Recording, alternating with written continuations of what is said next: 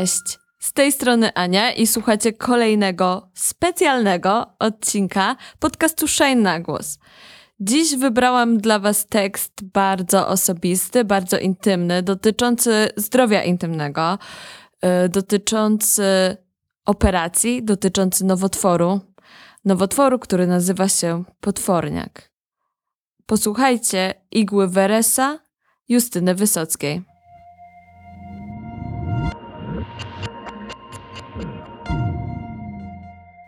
Igła Weressa.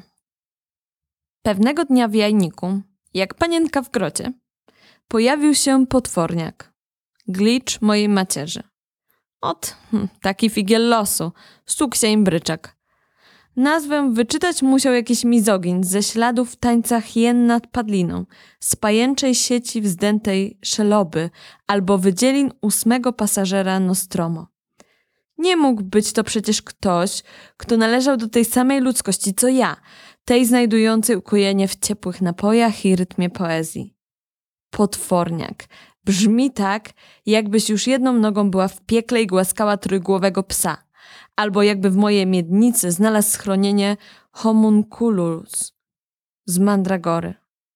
A to był tylko nowotwór łagodny, łagodny jak musztarda delikatesowa. Na pewno nadstawiłby drugi policzek, choć sądzę, że nowotwory to poganie. Mawiają na niego dermoid, a mnie się od razu jawi przed oczami wypisany neonem łowca androidów, a potem biedna Rakael, replikanci Los Angeles, Rutger Hauer, Vangelis i all those moments will be lost in time like tears in a rain. Na to mogę przystać. Tu cię zakotwiczę, mój ty guzie o gołębim sercu, moja ulgowa taryfo. Załatwimy to polubownie. O operacji jajnika nie myśli się jak o zabiegu na kolanie, sercu czy żołądku. Nie mówi się ludziom o operacji jajnika. Mówi się po prostu o operacji. Błogosławieni taktowni nie proszą o przykrą precyzję. A jak się zatem o tym myśli? Będą operować kobietę we mnie – Będą operować moją płodność, moje chcenie czy niechcenie dzieci, moje cykle, moje przekwitanie, moją wartość. W szpitalu czuję się jak ta mucha w kolorze rozlanej benzyny, która spadła na swe musze plecy i nie może się zbić do lotu. Poddała się prawom, które to nie ona ustanowiła. Stłamsiła chęć ucieczki, zdecydowała, że sobie nie pomoże. Wzorowa pacjentka, czcza szpitalna egzystencja. Na wszystko się godziłam, nawet na mięso, które wygrzebywałam z kaszy. Widziano mnie nagą, dbano o słynną godność pacjenta, ale ja mówiłam, że spokojnie, nie trzeba się bać. Ja się już nie wstydzę. Tak, brakowało mi wówczas kośćca.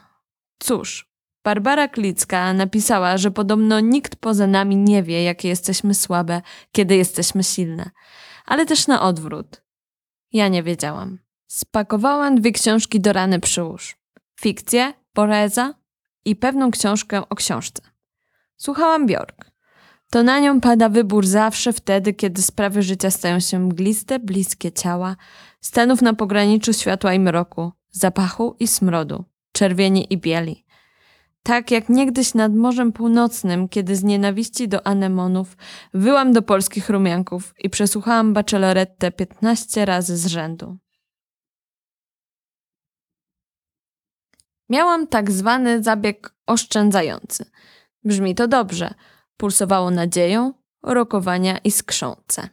Sporządziłam listę czyhających na mnie boleści, którą odczytywałam jak litanię przez dwa lata w solennym klęku przed Polską Służbą Zdrowia.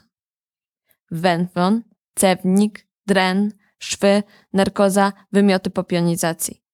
A kiedy się wypełniły dni, to odhaczałam przeżyte. Podobnie rzecz się miała z najczulszymi chirurgicznymi instrumentarium, które sobie przyswajałam w gorsze dni tuż przed snem trokan, insuflator, kaniula, igła Veressa. One będą we mnie, ochotniczce z widowni, tym posłużą się magicy. Po recytacji nas, tych utensyliów, jak jakiś zaklęć, zazwyczaj spałam snem niesprawiedliwiego. jak nie zabita. Tego dnia byłam druga w kolejce do sztuczki. Dziewczyna przede mną miała iść na 30 minut. Wróciła po 150 z raną, na widok której moim dzielnym heksom, pielęgniarkom, zrzedła mina. Ja też szłam na 30. Stara czarownica bez zęba, która za kilka godzin obudzi się bez macicy, powiedziała jej, że jej koleżance te trokary się złamały i tkwiły w brzuchu jak marchewki z ziemi. I nagle jestem w tej baśni, gdzie dzieci jedzą dom z łakoci, a potem jak prosięta trafiają do pieca. Piekę się w tym piecu. Zaraz mnie zje. Skończę się. Po narkozie miałam się cudownie, żywotna niczym woda z lord. Biło we mnie źródło życia – czerpało ze mnie to słynne drzewo. Jestem tego pewna. Przez tę godzinę nazywałam się Krystalin. Byłam w stanie, za którym tęskniłam, odkąd odeszłam z wodami z brzucha matki. Powiedziałam heksom, że bardzo im za wszystko dziękuję. Mało brakowało, a wyznałabym tym anielicom miłość. Godna pożałowania monumentalność po wybudzeniu. Święte 60 minut tuż po. Tak muszą się czuć wskrzeszeni. Piękne i słoneczne narkotyki. Nie mogę się doczekać następnego razu. Tylko mnie oszczędźcie, znachorzy, jak oszczędza się sarenka. A w samym centrum jaśniał mój pępek. Po raz drugi dobrze się sprawił. Jestem pewna, że ma w nim teraz trzecie oko, którym będę skanować napotkane pieski. Goił się długo, zaznał znoju, Zaraz się z niego posypią na prześcieradło strupy. Może nawet je zjem, są przecież moje, a ja lubię mak- smak skrzypiony. Pozostałe rany mają dwie poziome belki. Zszyto mnie na planie krzyża, jak niegdyś budowano katedry. Unicode U plus 2626.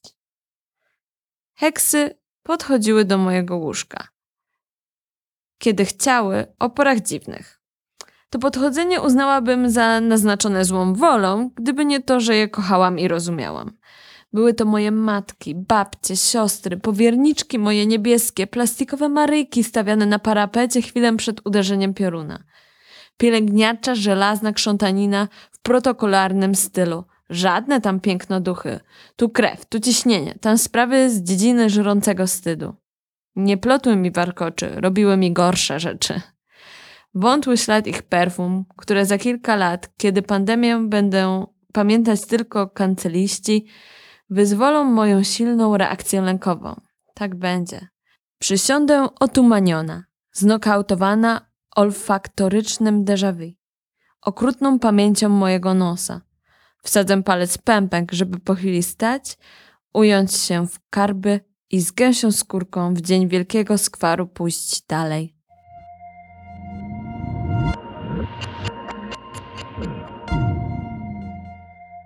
Dzisiaj łączę się online z Justyną Wysocką, autorką tekstu Igła Weresa. Cześć Justyna. Cześć, dzień dobry. E, słuchaj, twój tekst dotyczy um, nowotworu, który w sumie wzbudza, mam wrażenie, wiele emocji i um, ma trochę nietypową nazwę, bo nazywa się potworniakiem. Czy możesz tak. wytłumaczyć naszym słuchaczkom, co to jest potworniak? E, jak już wspomniałaś, y, jest to nowotwór i już sama nazwa nowotwór brzmi trochę strasznie, a jakby dodać do tego jeszcze tego potworniaka, e, no to już w ogóle toniemy w przerażeniu y, przed tym, co nas czeka w związku z tym nowotworem. Ale tak naprawdę jest to nowotwór łagodny, który może zmienić się w złośliwy, ale najczęściej pozostaje łagodny. E, przyjmuje on najczęściej postać tak zwanej torbieli skórza, skórzastej. Wiem, to e, brzmi mhm. równie źle. e, czym jest torbiel, wiemy, a e, skórzasta, ten przymiotnik wziął się z tego, że ten potworniak ma cechy skóry. Wiem, że to brzmi źle. To znaczy, w potworniaku są tkanki, które e, są takie jak w skórze, czyli na przykład kurczoły łojowo-potowe, włosy i to, czego najmniej możemy się spodziewać po potworniaku, albo najbardziej, to zęby. Wiem, że w skórze nie rosną zęby, ale w nim czasami bywają zęby. I dlatego zyskał takie miano. Brzmi to faktycznie trochę tak science fiction, ale, um, ale na szczęście, tak jak wspominałeś, zazwyczaj ma on e, postać e, niegroźną. E, I jest to rodzaj e, guza zarodkowego i rozwija się z mm, komórek, które mogą dać początek wielu różnym organom w naszym organizmie. Stąd właśnie na przykład ta skóra, zęby, ale też mogą być to inne narządy. E, I co ważne, myślę, żeby wspomnieć, to nie jest to nowotwór dotyczący wyłącznie kobiet Zgadza się. Jest to nowotwór, mhm. który dotyczy również mężczyzn, a nawet dzieci, więc e, jakby to też trzeba mieć e, na uwadze. Choć faktycznie na przykład zdarza się e, często także przy, podczas ciąży na przykład. tak.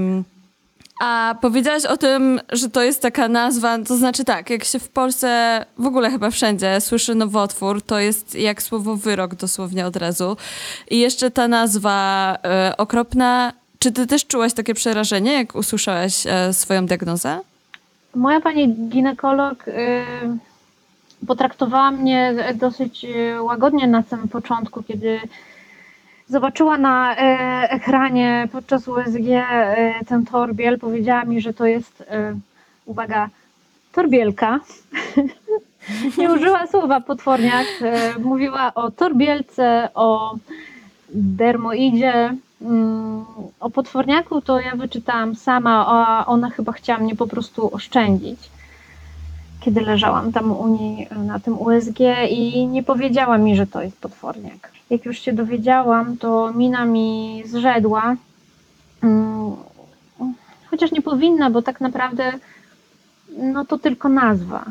To tylko nazwa. Ja jestem zasadniczo przeciwna takim nazwom. Uważam, że ona jest wroga człowiekowi. Taka nazwa, podobnie jak e, określanie nowotworów e, złośliwymi, czyli nadawanie im cech takich ludzkich, kiedy tak naprawdę to jest coś, co stworzyło nasze ciało i nasze ciało nie jest wobec nas złośliwe. Co cię tknęło do tego, żeby udać się w ogóle do e, ginekologa? Czy, czy wyczułaś jakieś objawy, czy to było przez przypadek? Nie, ta torbiel nie dawała żadnych objawów. Nic mnie nie bolało, to była zwykła, rutynowa kontrola, e, czyli trzy badania, które robię co roku, USG ginekologiczne, piersi i cytologia. I mm, to po prostu się okazało tak zupełnie niespodziewanie dla mnie niespodzianka. Ale myślę, że to pokazuje, jak ważne są te badania i ta regularność właśnie, bo jest no, wiele schorzeń, które tych objawów nie dają albo dają je już na bardzo późnym etapie, więc też przypominam e, naszym słuchaczkom, żeby pamiętały o tym, żeby zadbać o siebie i e, te cykliczne badania wykonywać.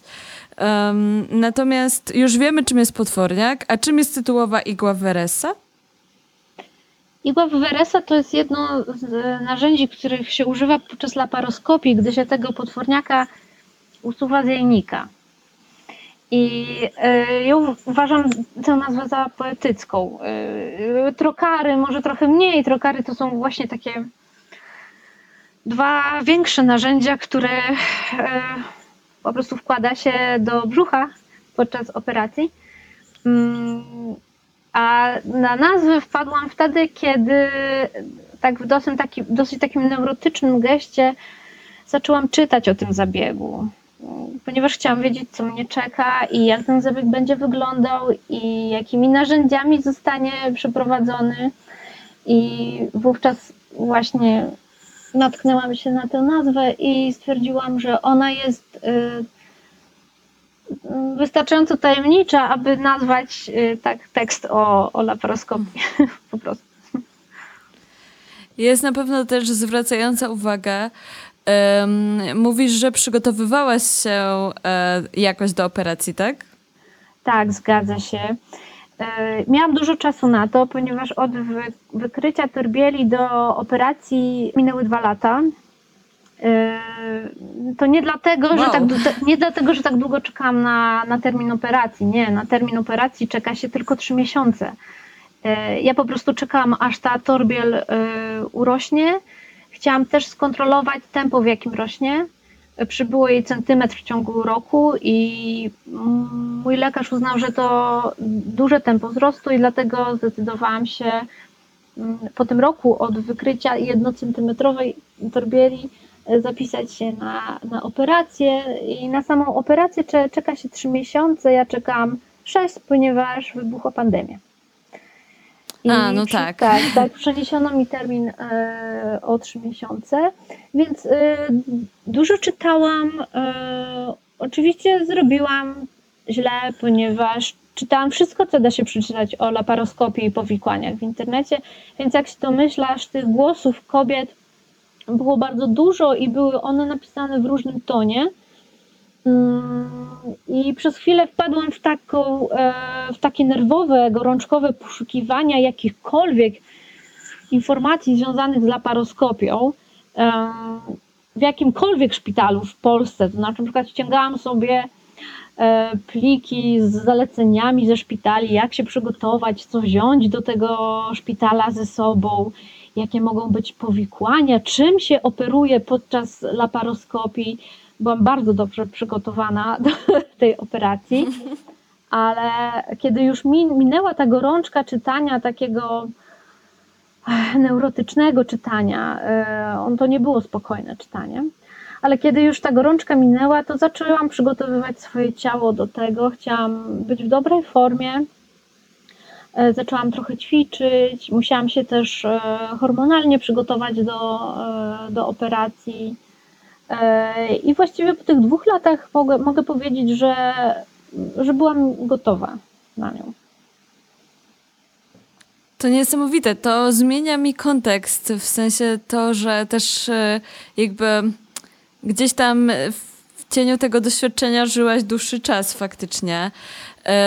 tak. Laparoskopia to jest w ogóle trudne zagadnienie i na pewno dla wielu osób przerażające, zwłaszcza osób, które na przykład chciałyby w przyszłości zejść w ciążę. E, w twoim tekście jest też taki fragment, który trochę tak interpretuje w stronę mm, właśnie takiej biologicznej części kobiecości, bo piszesz, będą operować kobietę we mnie, będą operować moją płodność, moje chcenie czy niechcenie dzieci, moje cykle, moje przekwitanie, moją wartość.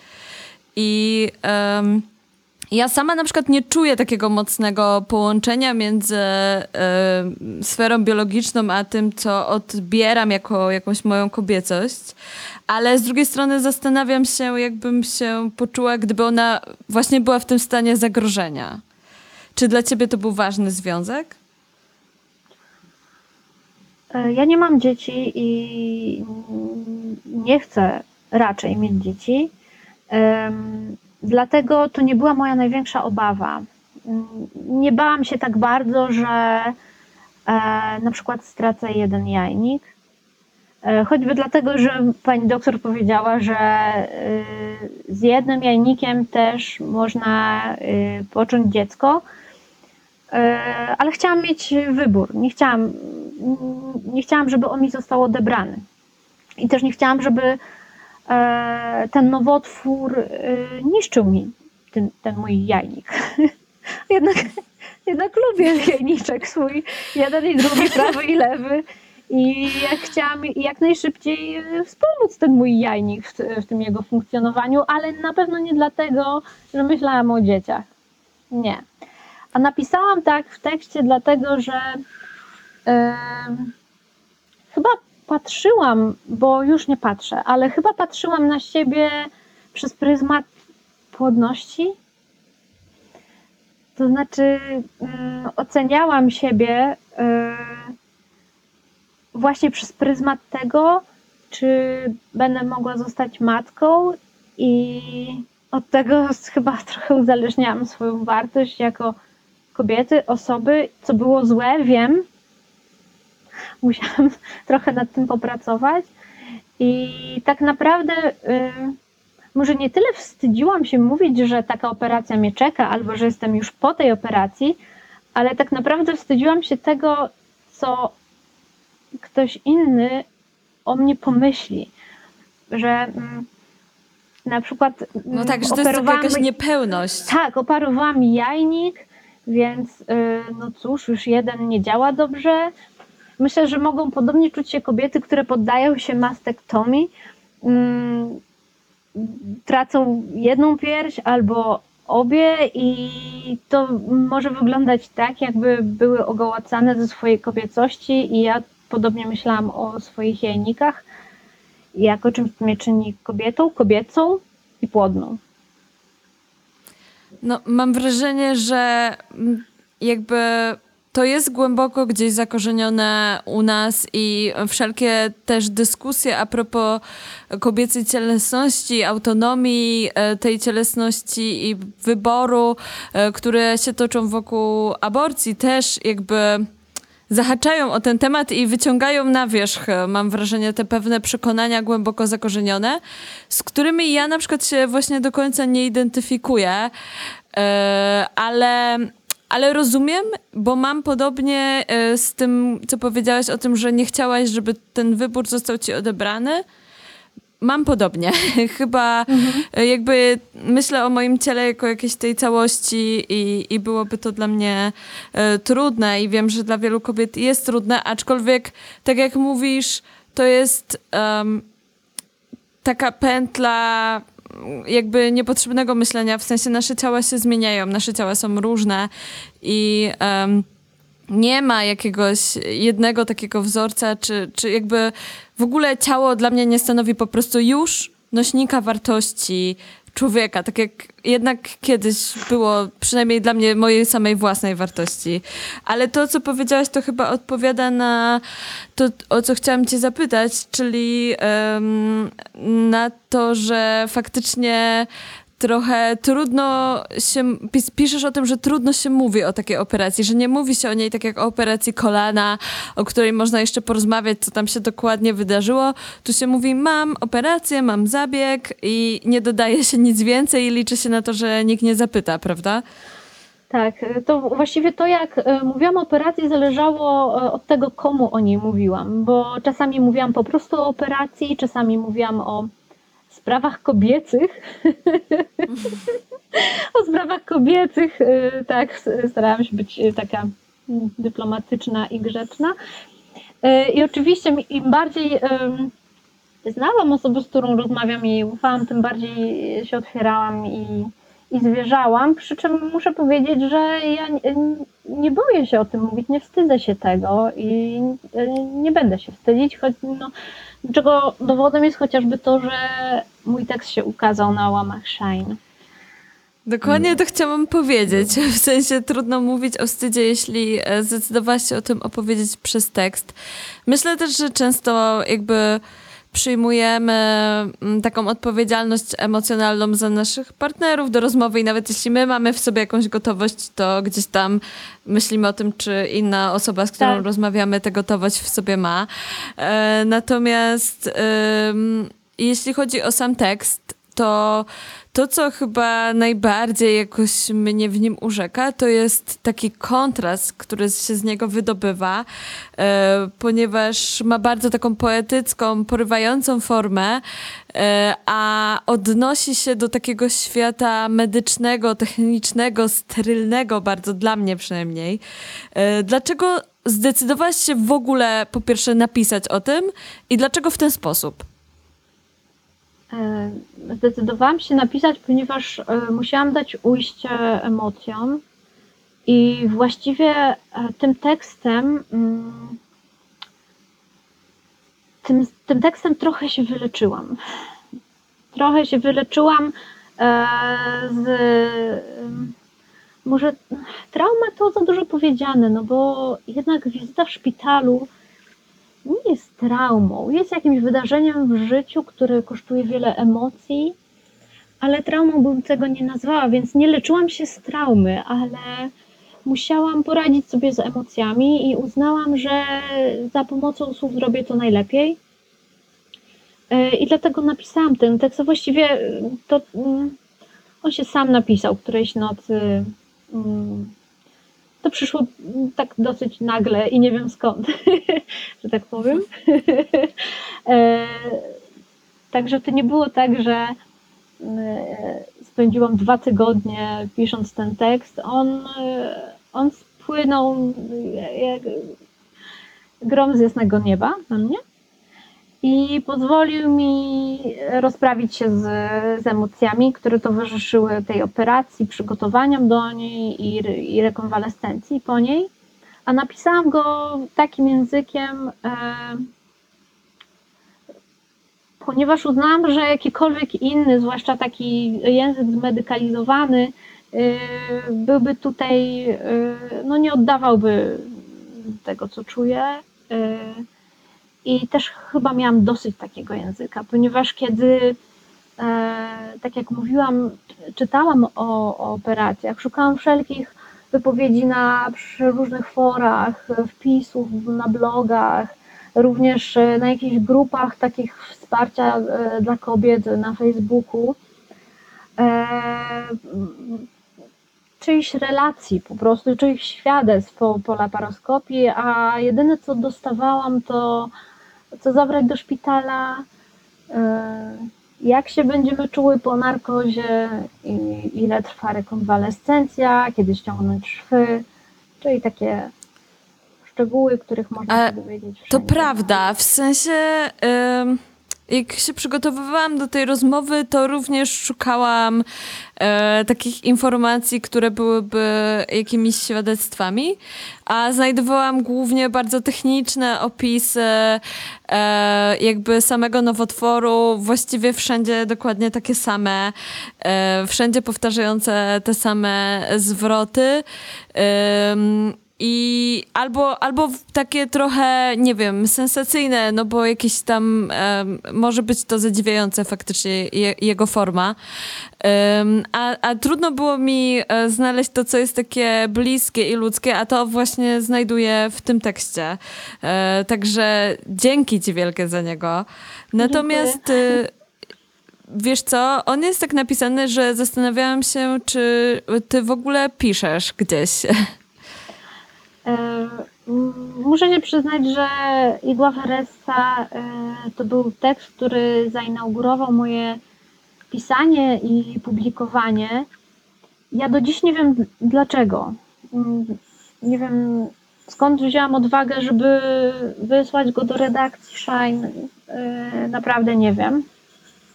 Co wiedziałam, że, że on musi powstać, ale nie wiedziałam, że go opublikuję i że on mm, właściwie będzie takim, takim początkiem mm, mojego pisania i publikowania.